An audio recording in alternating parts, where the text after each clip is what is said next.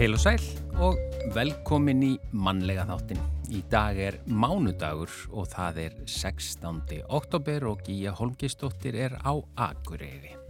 Svo sannarlega og Gunnar Hansson í Reykjavík. Jú, passar. og það er nú umleipingasamt svona í veðrinu. Það kom svo mikill snjór hérna um daginn en nú er hann bara allur að brána allavega hér í miðbæ Akureyrar. Já, það er uh, að kólna fyrir sunnan en að, og jújú jú, að það hefur komið auðvitað uh, snjóru lofti hér einmitt en hann hefur ekki totlað lengi við sko. Nei, einmitt. Við ætlum að ræða taland... á morgun við Einar Sveinbjörnsson einmitt og sjá aðeins hvernig Já. svona veðrið er að þróast sko. Nákvæmlega, en talandum um leipingar og svona náttúru, þá mm. á þessum degi, árið 1612, þá braust eldgós út í köllu. Já, hún lætur á sér kræla með um það byl 100 ára millibili. Mm. Eh, svo var það á þessum degarið 1890 sem að landshöfðingi výgði fyrsta síma sem lagður var á Íslandi á milli Reykjavíkur og Hafnafjörðar og í fjallkoninni var fyrirbærið kallað Málþráður. Og á þessum degi árið 1902 þá var Landakots spítali í Reykjavík tekin í nótkunn en hann var reistur og rekin af Sandi Jósefsistrum. Og á þessum degi árið 1905 e, eh, þá var Vestlunarskóli Reykjavíkur sem setna var nefndur Vestlunarskóli Íslands, e, tekin, eða hann tók sem sagt til starfa. Og listaverkið The Weather Project e, eftir Ólaf Eliasson var opnað almenningi í Tate Modern safninu í London á þessum degi árið 2003. Já, það er þessi stóra frægasýning þegar það var svona mm -hmm. eh, hálf sóleila í loftinu já. á, þetta er alveg magnað verk og ég var þetta nú svo heppin að sjá það sko. Ég er mitt líka og þetta, þetta skildi svo sannlega eftir sig, eh, svona minningar og, og maður komst við við að vera inn í salnum. Já, já, og það hérna var sko fólk lág á gólfinu eins og það væri í sólbaði eða já. það bara í einhverju svona stórkostleiri stemningu en stemningin, það var eiginlega það sem var alveg stórkostlegt þarna í, í þessum turbínu sal held ég hann kallist í, í Tate Modern.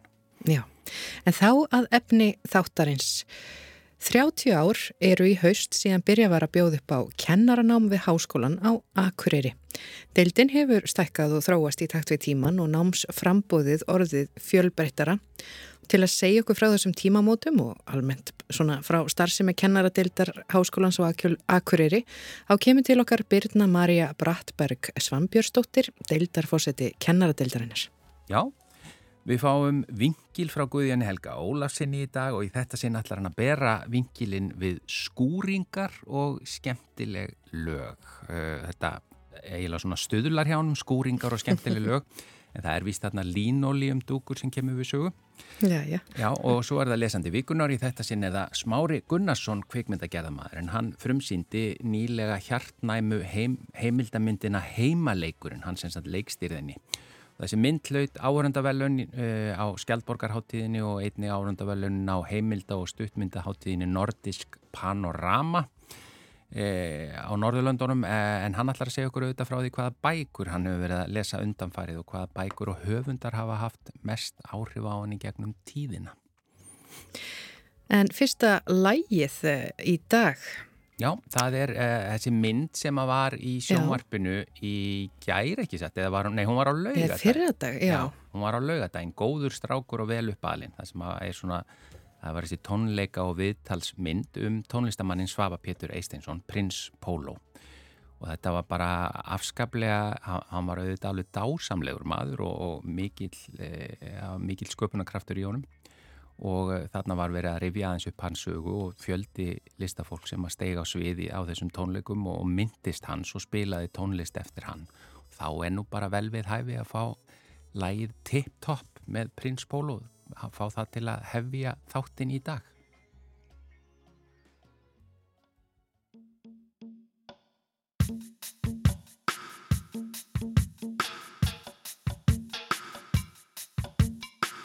Seintum kvöldi ránka við mér úr rótinu Það er engin heima, ég er alveg í kotinu.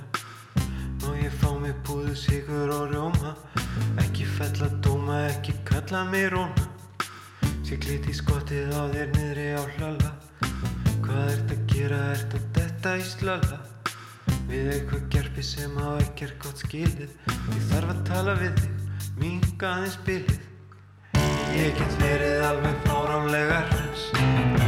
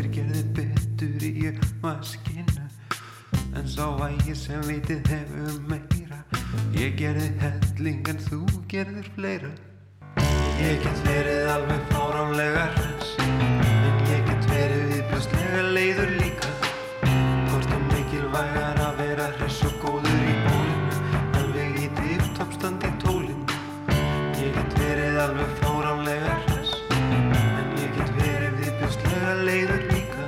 Hvort er mikilvægar að vera hress og góður í bólinu? Alveg í dýftoppstand í tólinu. Ég get verið alveg fáránlega hress. En ég get verið viðbjörslega leiður líka. Hvort er mikilvægar að vera hress og góður í bólinu? Alveg í tipptoppstand í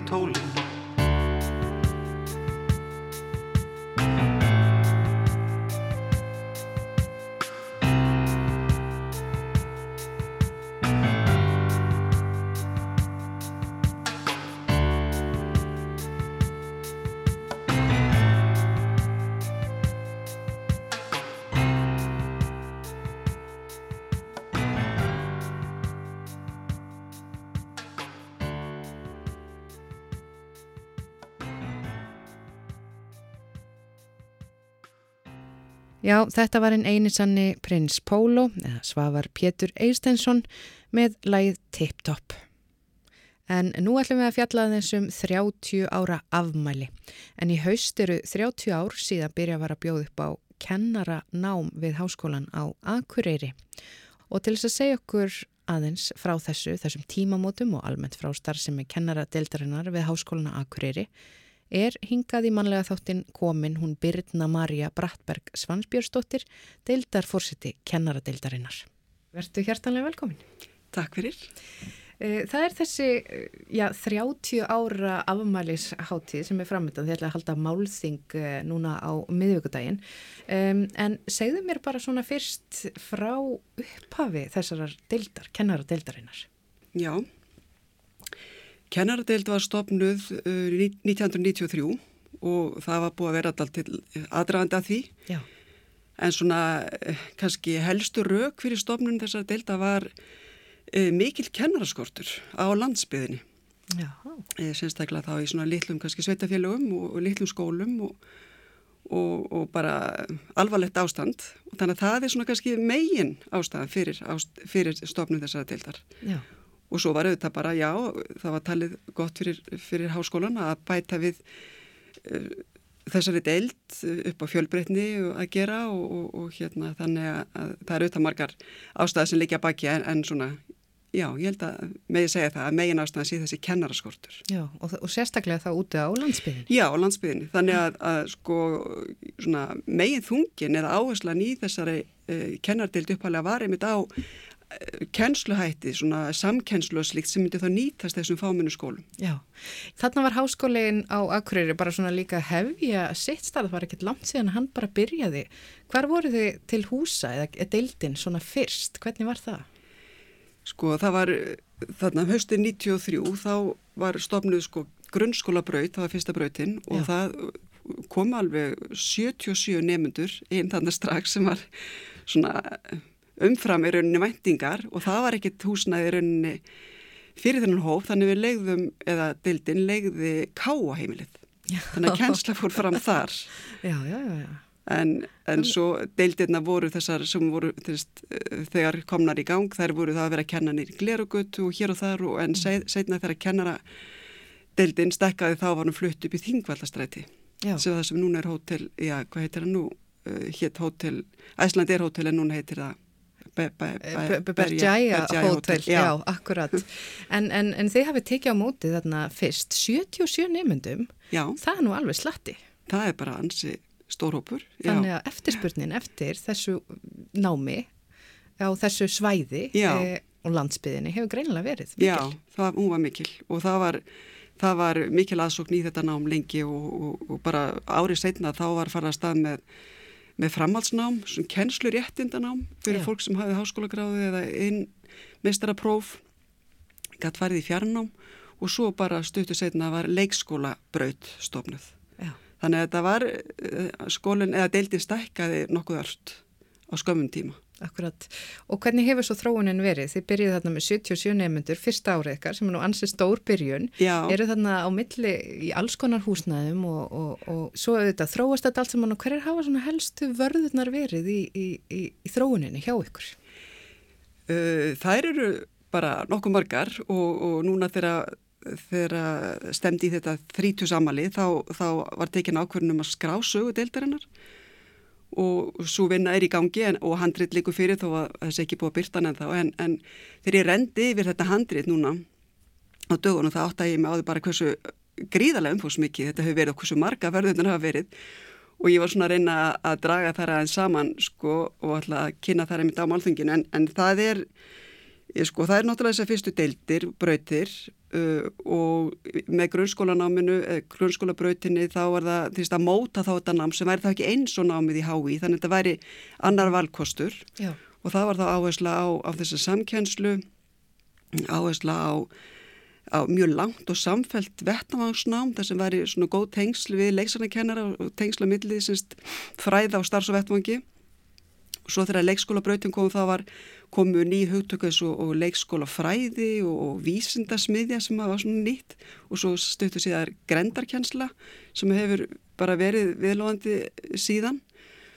Uh, svo er það alls konar, uh, þar heimsbyggi mentunar var líka svona kjarni sem var, er nýjung og, nýjung og siðfræði áhersla mikil og á þessum tíma var námið þryggja ára en svo breytist það 2008 í, í, og var fimm ára nám, komið nýju lögum það þannig að það erst að breyta tölverðu og vinna hugsa svolítið allt upp á mhm. nýtt skipulæð og, og og 2000 þá kom sko framhaldsnám inn, mestananám þannig að og svo kom sko eitt leifisbref þannig að þetta eru alls konar svona áskonanir og svo var krafa um eða vendingar um að búa til sam-evrópst háskólanám þar sem, sem myndi auðvelda nefendum og kennurum og fræðafólki að fara á milli háskóla og milli landa mm í mhm. Európu. Já. Og þá var þurft að sameina, að sammeræma sko öllu viðni í sambandi við einingar. Þá kom upp fram eitthvað sem heitir ECTS Akkurat. einingar sem eru það samrandar, evróskar einingar og námsgráðu það líka samrandar. Þannig að það var, það er tölvert mikið í kringu það uh, og, og hérna Og núna, uh, við lítum bara á, á stöðun í dag, þá erum við með, við erum með eh, ríflega 400 nefnendur og námið samsett sem þryggjar á grunnnám í leikskólafræði og grunnskólafræði eða kjörsviði og svo er framhaldsnám að, og það er það bæði MT-nám og M1-nám, MT líka nýtt sem kom mm. síðarinn, það, það er mestaragráða án rannsóknar já, já. Uh, kröfu. Og það er ekki að gera rítgerð? Nei, það er ekki að gera rítgerð, nei. Mm -hmm.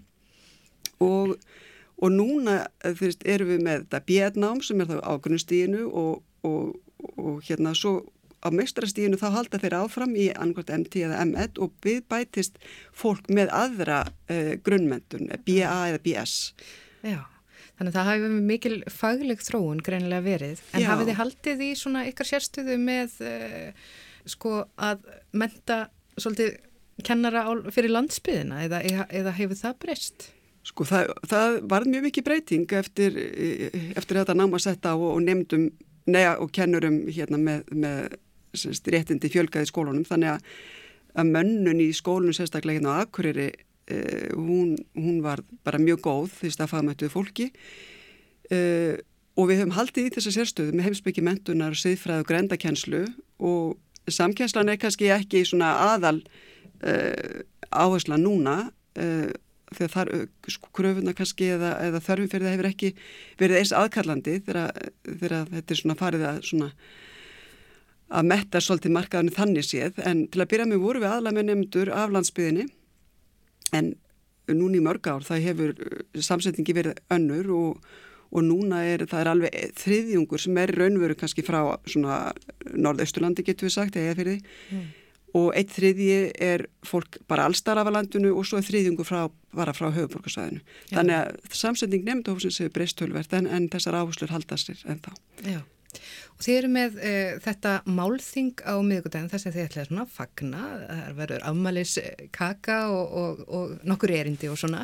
Þú ætlaði að mynda að fara yfir þessa sögu í erindi sem að þú kallar eftir einum lagatilli. Segðu mér frá akkur þú valdir, segðu mér hver lagatillin er og akkur og hvað svona línur þú ert að vitni og akkur þú valdir þetta?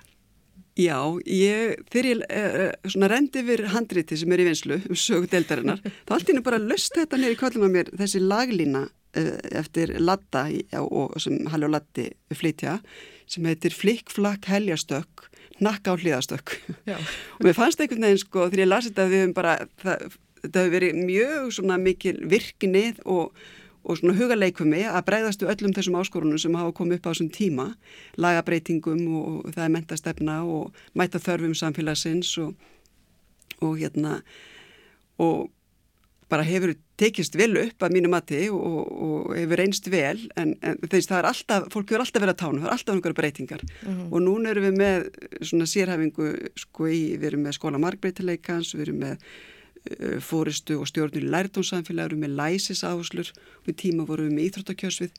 Þannig að þetta hefur ímislegt bæst við. En, en þessi laglína einhvern veginn Já. hún festist þarna og mér fannst bara við hæfi að setja hana sem titil á hrindið En svona lokum eh, hvað er svona það já, ég var að segja bara mikilvægastu breytingarna sem hafa orðið eh, í þessari sögu kennara deildarinnar hérna við Háskólinu Akureyri?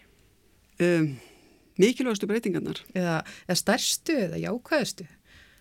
Mikilvægast er bara að, að, sko, að, skuli, að það, þetta nám skuli vera hafa einhvern veginn þróast og, og styrst og, og að háskólinin semst, með þessa kennaradeild skuli vera hérna vera valmöguleiki fyrir fólk að sækja í að það sé, það sé einhver samkeppni, að það sé ekki bara eitt nám í landinu og að það sé ekki alveg eins á báðum stöðum, að það séu mismundi áherslur og hjá okkur er reyndar sko kennslu fyrirkomlægið hefur breyst hölvert gegnum tíðin og hafa uh, hefur svona verið svolítið flókið stundum, það hefur verið fjarnám og staðnám og stundum mm -hmm. sama fjarnám og staðnám og stundum aðskili fjarnám og staðnám Já.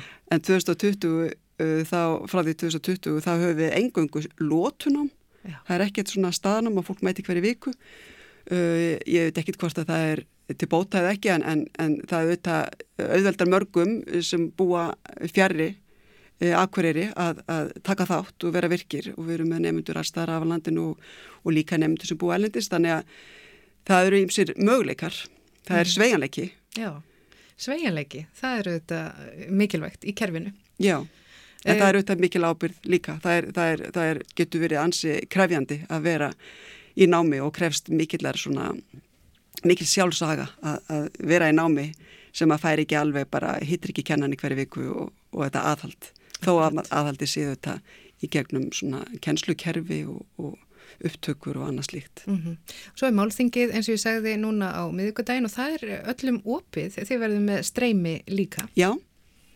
og við ákvaðum að hafa málþingið bara svolítið létt og, og skemmtilegt og fengum uh, fyrirverandi nemyndur og starfsfólk til að koma þarna með stutt erindi. Mm -hmm. fólk er að segja frá reynslu sinni af náminu og hvernig það er nýst í starfi síðar og, og, og svona nánar um uppbyggingu uh, eða aðdraganda stopnunarinnar stopnudeldarinnar og og rannsóknar virkni og svona sögu en, en á svona léttu nótum og við viljum endilega sjá sem flesta og, og bjóðum upp á amalistertu í tilöfni amalisins og svo mun handritið sem að þá verður orðið bara sagadeildar, formleg, byrtast á vef skólans síðar þessu skóla ári. Glæslegt. Takk fyrir komin að hinga í manlega þáttinn Birna Maria Brattberg Svanbjörnsdóttir, deildarfósætti kennaradeildarinnar, eh, kennaradeildar Háskólans og Akureyri og til hamingju með 30 árin og bara gangi ykkur vel í ykkar störfum. Kæra þakkir.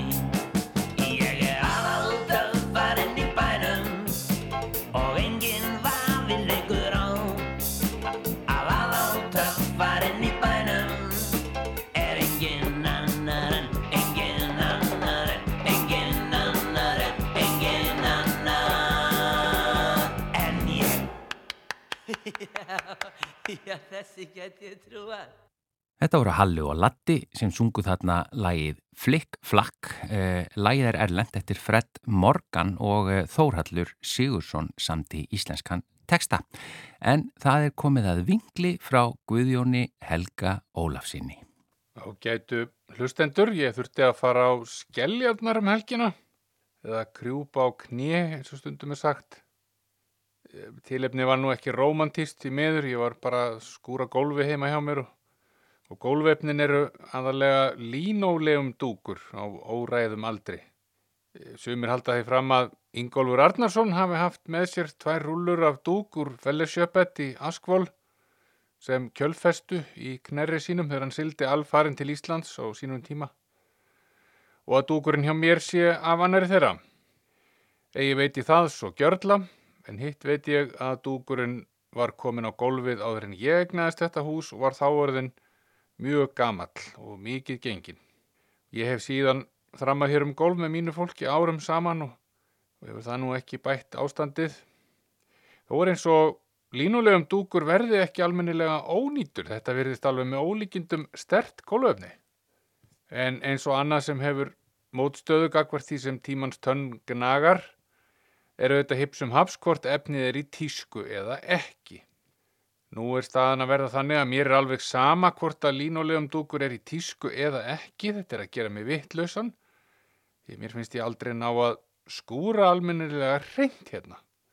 Ástæðan fyrir því að ég fjall á knið um helgina var sem sagt til að reyna að skrapa burt óhreinindi með, já fyrst með sparslspaða og setna með hefiltönn og þessi óhreinindi vildu ekki gefa sig fyrir moppunni og hennu magnaða hreinsi efni sem kent er við Ajax Telamonsson úr grísku góðafræðinni. En sá var sagður vera risavaksinn og engin hraustari honum nema sjálfur Akilles og Ajax var að auki fríður maður en Þrátt fyrir alla sína kosti og veruleika leindist í honum fól og hrotti. Hann nöðgaði giðjunni Kassandru þegar hún leitaði hælis í musteri aðhennu og tók að lókum sitt eigið líf þegar að ljóst var að hann fengi ekki vopn. Akkillesar eftir lát hans heldur. Ótiseifur. En það er önnur saga. Gólvefni sem þólir sápur, kendar við gríska guði og, og hefiltannir frá Stanley og sonum hlýtur að vera merkjað. Ég treysti yðnaðarmönnum auðvitað best til að fara með rétt mál varandi svona efni og einföld leit leiti mig að fyrsta tölublaði tímaritsins yðnaðarmál frá orinu 1958 en þar segir svo um línálegum dúk á blaðsíðu 12 og tilvittnin hefst línálegum samsetning búið til úr blöndu af hertri fernisólju og gummikvoðu á samt korkmilsnu, sagi og litarefnum. Blandan er sett á strega eða pappa, pressað í plötur við hita, fæst í ströngum eða tiglum, fáanlegt í mörgum litum og mismunandi þygt, þeir eru ekki með langar setningar hérna, fest í undirstöðuna með viðigandi bindiefni innan svega lími, kostir slið stert, hljóðdeifandi, snoturt, þólir vel núning, mjúkt og sveianlegt, tiltölulega ódýrt og hér kemur annað innskott upplesara, það virðist alveg liðin tíð, nú 65 árum síðar. Auðvelt að bæta með tiglum. Gallar. Sterkar sápur og lútarsöld geta auðveldlega eigðilagt hlýfðarlægið svo að dúkurinn slittnar. Blettirnir geta verið ljótir. Ef raki seittlar gegnum samskeitin, getur bindiefnið ónýtst og hérna kemur T, seta T í enda orðs. Hólur koma í það undan kvössum óttum og þungum hlössum. Hæfir aðeins léttum flutningi, þólir illa sírur, söld eða önnur eigðandi efni. Tilvittnun líkur og nú er ekki annað að gera en að axla ábyrð og hafa stólaskipti. Því mínir eru greinilega að skemma góldúkin á samt með pervertinum Ajaxi og því sem niður hefur sullast undan farin mannsaldur eða svo. Nú hefur kannski smitast í gegn að ég hef ekkit sérstaklega gaman af öllum húsverkum, það er ekki fyrir það, en læti ekki bugast og gerir það sem þarf að gera með aðstóð ríkisútdrafsins eða streymisveitu að eigin vali. Gamli Sansui plötuspillarinn minn fær hins vegar að vera í friði á meðan ég æði um með ryggsugur og moppur því fyrir kemur að maður rekur sig utan í skápin sem hann stendur á og þá hoppar nálinn stundum til og kannski rispast á holds plötunar mínar. Ég tek ekki þá áhættu og tristi á nútíma tækni til að skemta mér við húsverkinn. Það er örgast. Síðasta skúringatörn var með bítla þema. Ég byrjaði á plötunni Revolver frá 1966 en gerfigreindin týndi að henni lokinni til alls konar skemmtilegt aukaefni, til dæmis upptökur úr vinnuferli hljómsveitarinnar við gerð þeirra plötu sem ekki voru notaðar, æfingar og ímislegt fleira skemmtilegt tengt hljómsveitinni og þessari að mínumati frábæru plötu. Ef ég erði píndur til að velja mín uppáhaldsbítlaplötu erði Revolver sannilega fyrir valinu flesta daga. Ég get eiginlega ekki fært fyrir því önnur rauk en þau að þessi plata var í plötusafni foreldra minna og nokkuð heilleg þannig að hún fekk ofta hljóma. Ég var nefnilega svo heppin að til voru gömul hljómflutningstæki frá föðurforeldrum mínum heima sem voru heilmikil möbla og gemd í herbergi okkar bræðra lengi vel. Bróður minn og ammæl í dag við óskum honum til hamingju. Þetta var alvöru húsgagn úr pólariðum og lökkuðum viði og hafið að geima bæði plötuspillara og útarpsviðtæki. En ekki segulbandstæki sem ég manna mér þótti svona frekar meður. Ég var nefnilega bísna duglegur að verða mér úti um segulbandsupptökur af minni upp á holstónlist, auk þess sem maður gerði stundum djarfur og tók upp eitthvað framandi vegna meðmæla frá fólki sem maður tristi. Ef svo heppilega vildi til að efni þætti ásetjandi eins og sagt er um lömpin sem ekki fara í sláturhúsið á haustin heldur fá að lifa örlítið lengur og vera til undaneldis var um að gera að brjóta litlu plastferningana efst á kassettunni sem réðu því hvort hægt var að taka upp nýtt efni yfir það sem fyrir var. Ef í ljós kom að umrætt til raunatónlist var bara leiðinleg en búið að brjóta innsiklinn þurftu ekki annað en að verða sér úti um svo litið límband og líma fyrir innsiklisgötin. Nú eða nóða litlar papírskúlur, tróða í götin og taka upp nýtt og spennandi efni yfir hitt gamla og leiðinlega. Sumir voru bísna lungnir við að búa til sapnkassettur, röðuðu lögum á spólur þannig að hefði hinnum ímsu tilefnum. Sama fólk og er í dag með ótrúlegt innsægi við gerð svo kallaðra playlista á streymisveitum fyrir tónlist.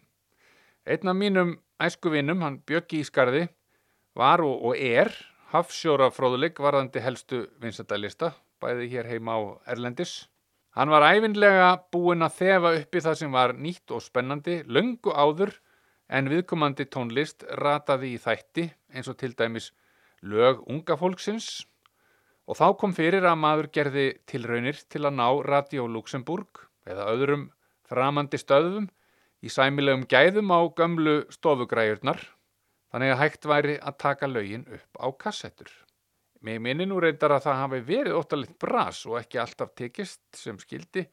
Loftnetin voru ekki alltaf í hæsta gæðaflokki og maður fekk stundum þá flugu í höfuðið að þau mætti bæta og laga með því að tengja við þau einhverjar dræsur af rafmaksvír og hengja þær kannski á gardinu kappa eða leggja yfir innrammaðan útsaum í stofunni. Við litlar vinseldir móður minnar, ef maður rétt, hún vildi réttilega meina að betrum bætt útarpsloftnet og innanhúsarkitektur færu í þessu tilfelli ekki saman. Mér er vitanlega náðust ekki myndir af þessum tilraunum mínum en það ekki verið að splæsa filmu í hvað sem var í þáttíð. En í gloppóttu minni leiti þetta hals ekki vel út og virkaði ekki alltaf heldur. En þegar það virkaði, þá leið manni eins og við afhendingu Nobelsverlauna í útvarpsverkfræði. Slík var gleðin. Og fyrst ég að farin að ræða það sem í dag þykir frumstæðtækni má lesa um upptökuferli Revolvera þar hafi verið mikil vinna með segulbandatækni í hljóðvinnslunni. Ég hvet hlustendur til að smetla læginu Tomorrow Never Knows á fónin eftir mannlega þáttinn og hugsa til þess hver hljóðvinnsla þessa lags hefur verið tímafreg. Það eru margar svo kallar lúpur eða ringiður eins og ég kýsa að kalla það þegar ákveðin hljóð eru sí endurtekinn eins og til dæmis sítardrónið og tablatrómurnar í því lagi. Og það er líka ringiða sem er spiluð aftur á bak ef ég heyri rétt. Þykir örglega ekki merkilegt í dag en árið 1966 hefur þetta verið bísna framústefnulegt trú ég. Já trúi segja ég, ég var ekki fættur þá hvað þá farin að hugsa um poptónlist og hef bara annara orð fyrir því hversu merkileg hljóðin voru þá Vissulega er léttar að afplána skúringar á ömurlegum línulegum dúk með góða tónlist undir, en hver verður auðvitað að velja fyrir sig í þeim efnum? Ég er alls ekki handhafi sannleikans í þeim málum, frekar en öðrum. Kanski er Abbi Rót betri við skúringar þegar allt kemur til alls. Eða Sticky Fingers með Rolling Stones kannski, svo ég haldi nú áfram að þylja upp það sem til var í plöturskapnum á æsku heimilinu. Face to Face með Kings. Þá er Ray Davis orðin einvaldur í lagasmíðum og uppkomin besti tími þeirra samkvæmt mati helstu, ég ætla að einhverja spekinga. Á ég kannski að slíta þennan ömurlega dúk af og leggja parkett í staðin. En þá fækkar mögulega gæðastundum tónlistarlega séð. Það er miklu auðveldar að þrýfa parkettið. En um smekk verður ekki deilt. Góðar stundir.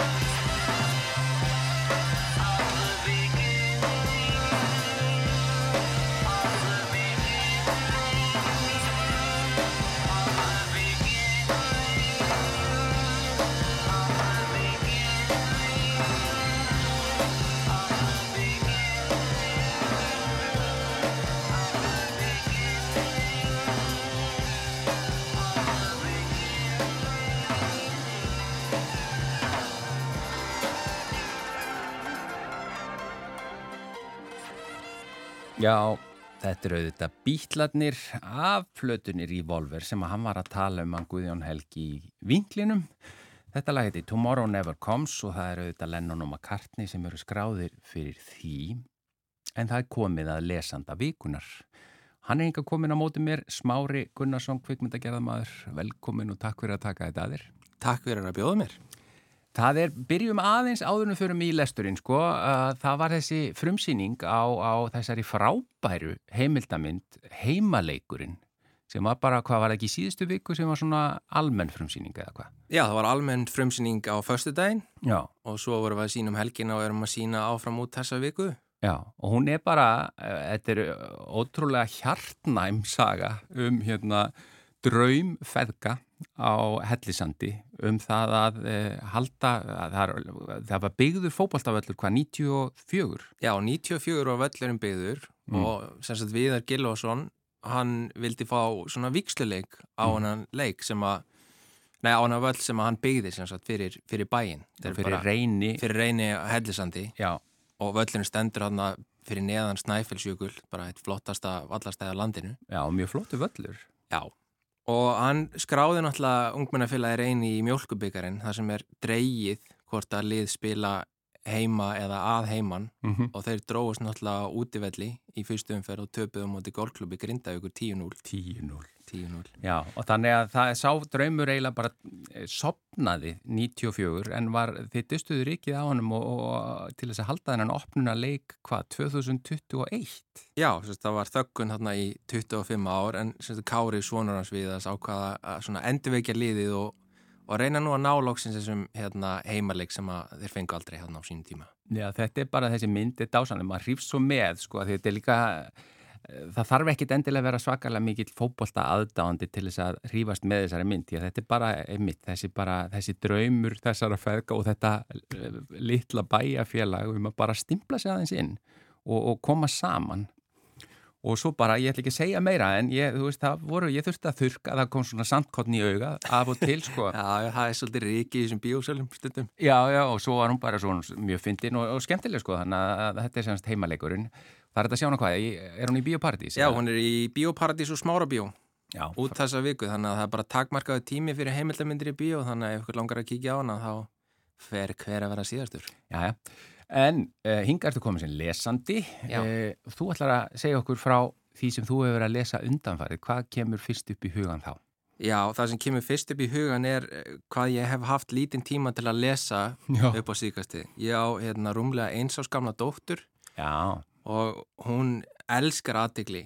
Þannig að mikið af mínu lestíma hefur farið í bara hérna badnabækur með svona hljóðum sem þú ítir á eitthvað og- stríkur svona feldi á hundi og eitthvað svona. já, já.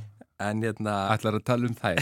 ég ætla að tala um, tala um þær Nei, ég, hérna, ég ætla að minnast á eina bók sem ég er búin að vera að glugga svolítið í sem ég man eftir ég hérna, tók eitt ár í almennri bókmyndafræði áður en ég hérna, endaði í leiklist og kvikmyndagerð.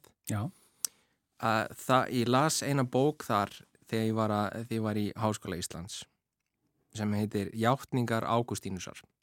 Já, sem hafði mjög mikil áhrif á mig á þeim tíma. Eh, sérstaklega hugmyndir þetta er sem sagt eh, Ágústínus var heimsbyggingur Mhm. sem hafði mikil áhrif á sem sagt hugmyndafræði kristina trúar já, já. hann er hérna fjóruðu og fymtu öld eitthvað svo gleðis Já.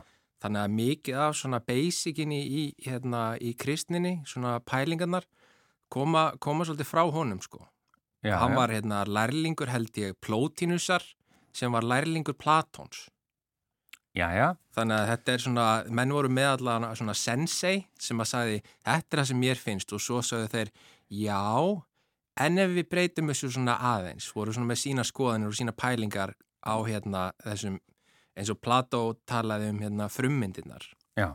að það væri það reynasta í, hérna, í heiminum að hérna, um leið og þú segir eitthvað, þú, þú ert með hugsun Já. ákveðna hugsun og kannski hugsaður um stól eða borð Já, og sér það fyrir þér í höfðinu Já. en um leið og þú opna munnin og segir orðið að þá er það orðið svona svona annarsflokks bara svona second hand. Já, og er ekkit merkilegt lengur. Já, þannig að svona hreinasta mynd hvers hlutar eða eða pælingar er hugsunin.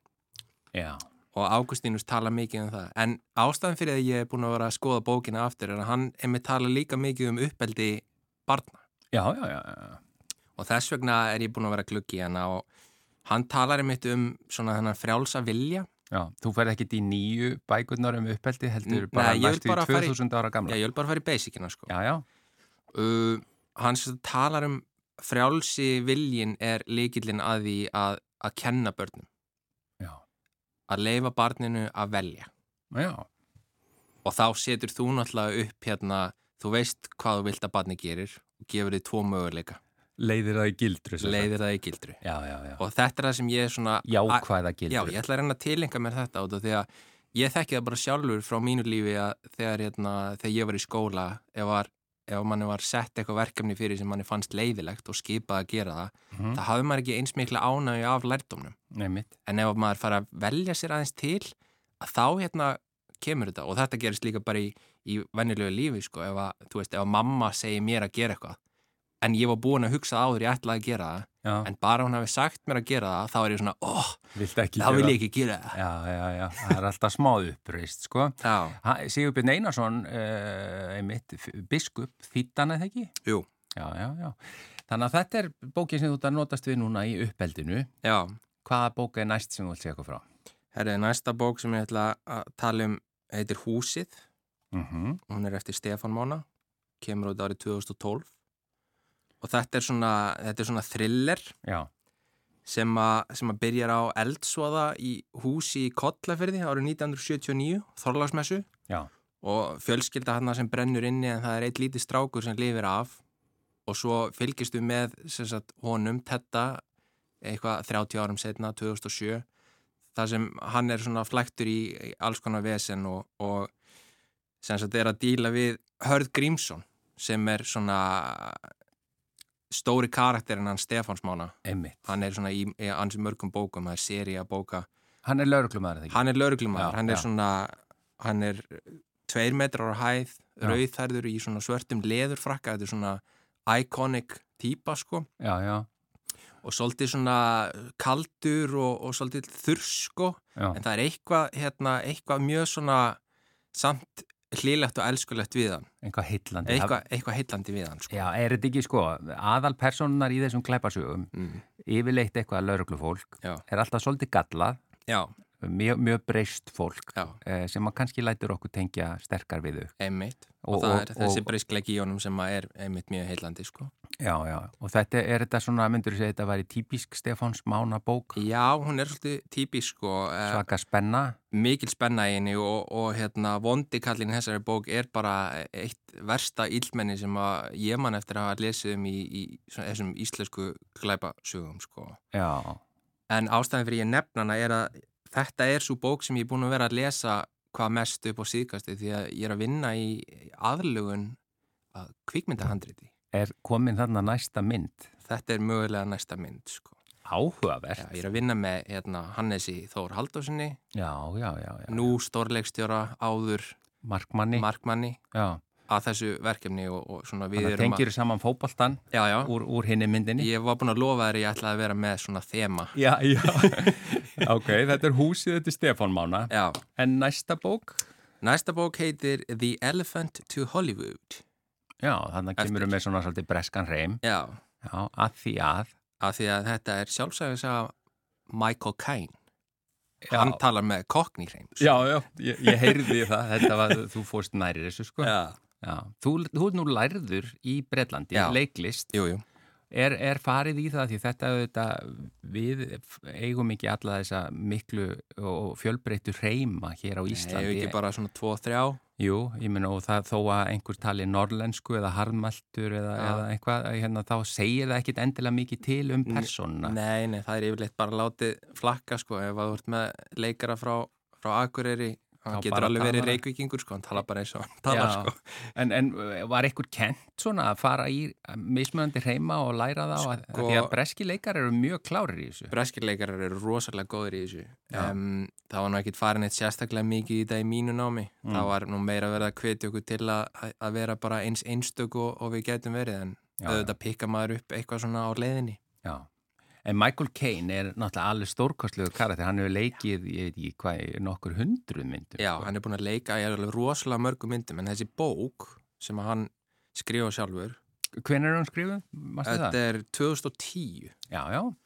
hann er, hann er búin að gera held ég alveg tvær eða þrjár hérna, Æfisugur. Já, Og lönga, þetta er lönga æfi. löng æfi en hann, svona, hann kemur inn á allt í þessari sko. Já, hann talar um þegar hann var að byrja og hérna þegar hann var að fara á djammið með Sean Connery og eitthvað svona hvorur þeirra búin að meika það og svo eitthvað bara Sean Connery fær allt í henni James Bond hlutverkið og þetta er svona pínulítið eins og að vera okkur svona peepsjói já, ef þú hefur áhuga á því sem svona, þessum Hollywood bransa og eitthvað svona já. að vera með Michael Caine og Sean Connery. gæjast inn um skráagat. já, gæjast aðeins inn sko. Já, en hérna hann talar sérstu um fyrir hluta ferilsins það sem gekk mjög vel hjá hann þar sem hann yfirleitt leik elskugan já, og var aðal. Já, og svo gerist það náttúrulega menn eldast. Jú, jú. og allt í einu bara einn dag þá bara hætti hann að fá hlutverk eða sérst hérna góð tilbúð um hlutverk. Já, og í einhvern ákveðin tíma og hann held að hann myndi aldrei leika aftur og svo fekk hann sendt hérna, eitthvað handrið sem var alveg hræðilegt að hann fannst elskuinn var alveg hræðilega lélega skrifaður karakter og hann raunaði yfir umbósmannin sinn en það var svo umbósmaðurinn þú, þú átt ekki að leika elskuinn þú átt að leika föðurinn æj. þannig að það, Það var svolítið skellur. það var mikill skelli fyrir hann en svo náttúrulega bara hérna, tók hann því Mm og átti eiginlega bara nýjan feril eftir að hann hérna bara, þú veist, tók hérna sínu hlutskipti núna að vera, þú veist, gamli maðurinn Já, ég meina hann vinnur uh, tvö Óskarsölun. já, eitt í fyrir hluta ferilsins Já, samt, samt sem áður, 87. Já. Hann er orðin svona Já. komin, og svo árið 2000, sko. Að fyr- fyrst fyrir Hanna and the Sisters, hérna, út í alveg myndinu, og svo, ég bara, því ég googlaði þetta hérna, og svo. Cider House Rules, sem er frábær mynd. já og Já. náttúrulega hérna líka náttúrulega í öllum Kristoffer Nolan myndunum sem svona hinn vitri Já, vitri já. gamli maður Og svo yngri kynnslóðin þekkja hann kannski sem Alfred hjá Batman. já, hérna. Alfred á Batman og svo er hann líka í Inception hérna næstu hérna, eftir Batman tilogina hjá Kristoffer Nolan Stórkostlegu leikari og eflaust uh, lítrík æfisa. Já, bara mjög skemmtileg. Ég er mjög hrifin af svona æfisugum og þetta er svo besta sem ég lesið. En ef þú ferð bara eins langt aftur í tíman og, og þú uh, vilt, hva, hvaða bók svona eða höfundur kemur svona fyrst þín? Þá verði ég nú bara að nefna það sem ég er svona landsbyðadrengur og mikil fótboltakall að, að það hlýtur að vera bara tárbrós og takaskór. Þorgrumið Já. Þráhansson. Einmitt. Manstu alveg bara hvar þú varst þegar þú last hana og... Já, já, ég man eftir því. Ég Já. var hérna bara lítill strákur á Hólmæk, hrættur við halastjörnur, elskaði fótbolta. Já. Þú veist, vildi eigna sæta kærustu og eitthvað svona. Þetta er allt, Þetta er allt, allt í bókinni. Já, halastjarnar líka. Nei, bókinni. reyndar ekki, það, það er bara ég. Já. Ég var mjög hrættur við halastjörnur hérna í kringu 1990. Hvað helstu að halastjörnum myndi Ég bara gera? held að það myndi lenda á jörðinni og bara sprengja allt í loftu. Já. Þetta er svona, þetta er svona eins og hérna, fólkið á undan sem var hrætt við kjarnarsku styrjöld. Já, ég er á þeirri kynstu, Já. sko. Já, við Ég- byðum bara, okkur var kent náttúrulega í skólanum að fara undir borð og svona, svo var, kom einhverja myndir eins og The Day After sem að síndi hvað einmitt. var hrikalegt, sko, og bara, ég svaf ekki, sko. Ég hlýti að hafa séð á mynd eða eitthvað í fréttum og ég var mjög viðkvæmur fyrir halastjörnum. Já, Ég beið bara eftir ég að hún myndi koma, sko. En hefur þú eitthvað, að, hérna, dusta rikið af þessari bók, hefur þú skoðað hana aftur, Sko, það er einmitt-? Það er einmitt það sem ég var að spá ég, hérna, ég er ekki búin að gera það. Mm Það er náttúrulega, þú veist, er hún gefin út 1990 og það var ekki einu svona til farsímar á þeim tímapunkti þannig að það væri mjög forvinnilegt að, að láta eitthvað svona óharnaðan ungling í dag lesa þessa bók og svona sjá hvort þau skilji heiminn sem er aðna í gangi. Já, og svo er þetta auðvitað einn bara svakalegasti titill á bók, tár, Já. bros og takkaskó. Þetta er bara, já, þetta er bara rosalega, hérna, hvað maður að segja, þetta er bara legendary titill, sko. Já. En ég, hérna, eins og þessi listi, hérna, sýnir að ég les bara íslenska bækur eftir höfunda frá Ólasvík. En Já. Stefán Máni og, og Þorgrimur eru báðið þaðan, sko. Og nú þurfum við bara að býða Smári Gunnarsson, kvikmyndagerðamaður, eftir að þú gerir kvikmynd við bókina Húsið eftir Stefán Mána, því Hannes Þór. Eh, Þakka þér innlega fyrir að vera lesandi vikunar í þetta sinn, Smári Gunnarsson. Takk fyrir að bjóða mér. Þá er þættinum bara lokið í dag. Við eh, kveðjum nú en verðum auðvitað hér aftur á saman tíma á morgum. Þökkum innlega fyrir samfélgina og verið sæl.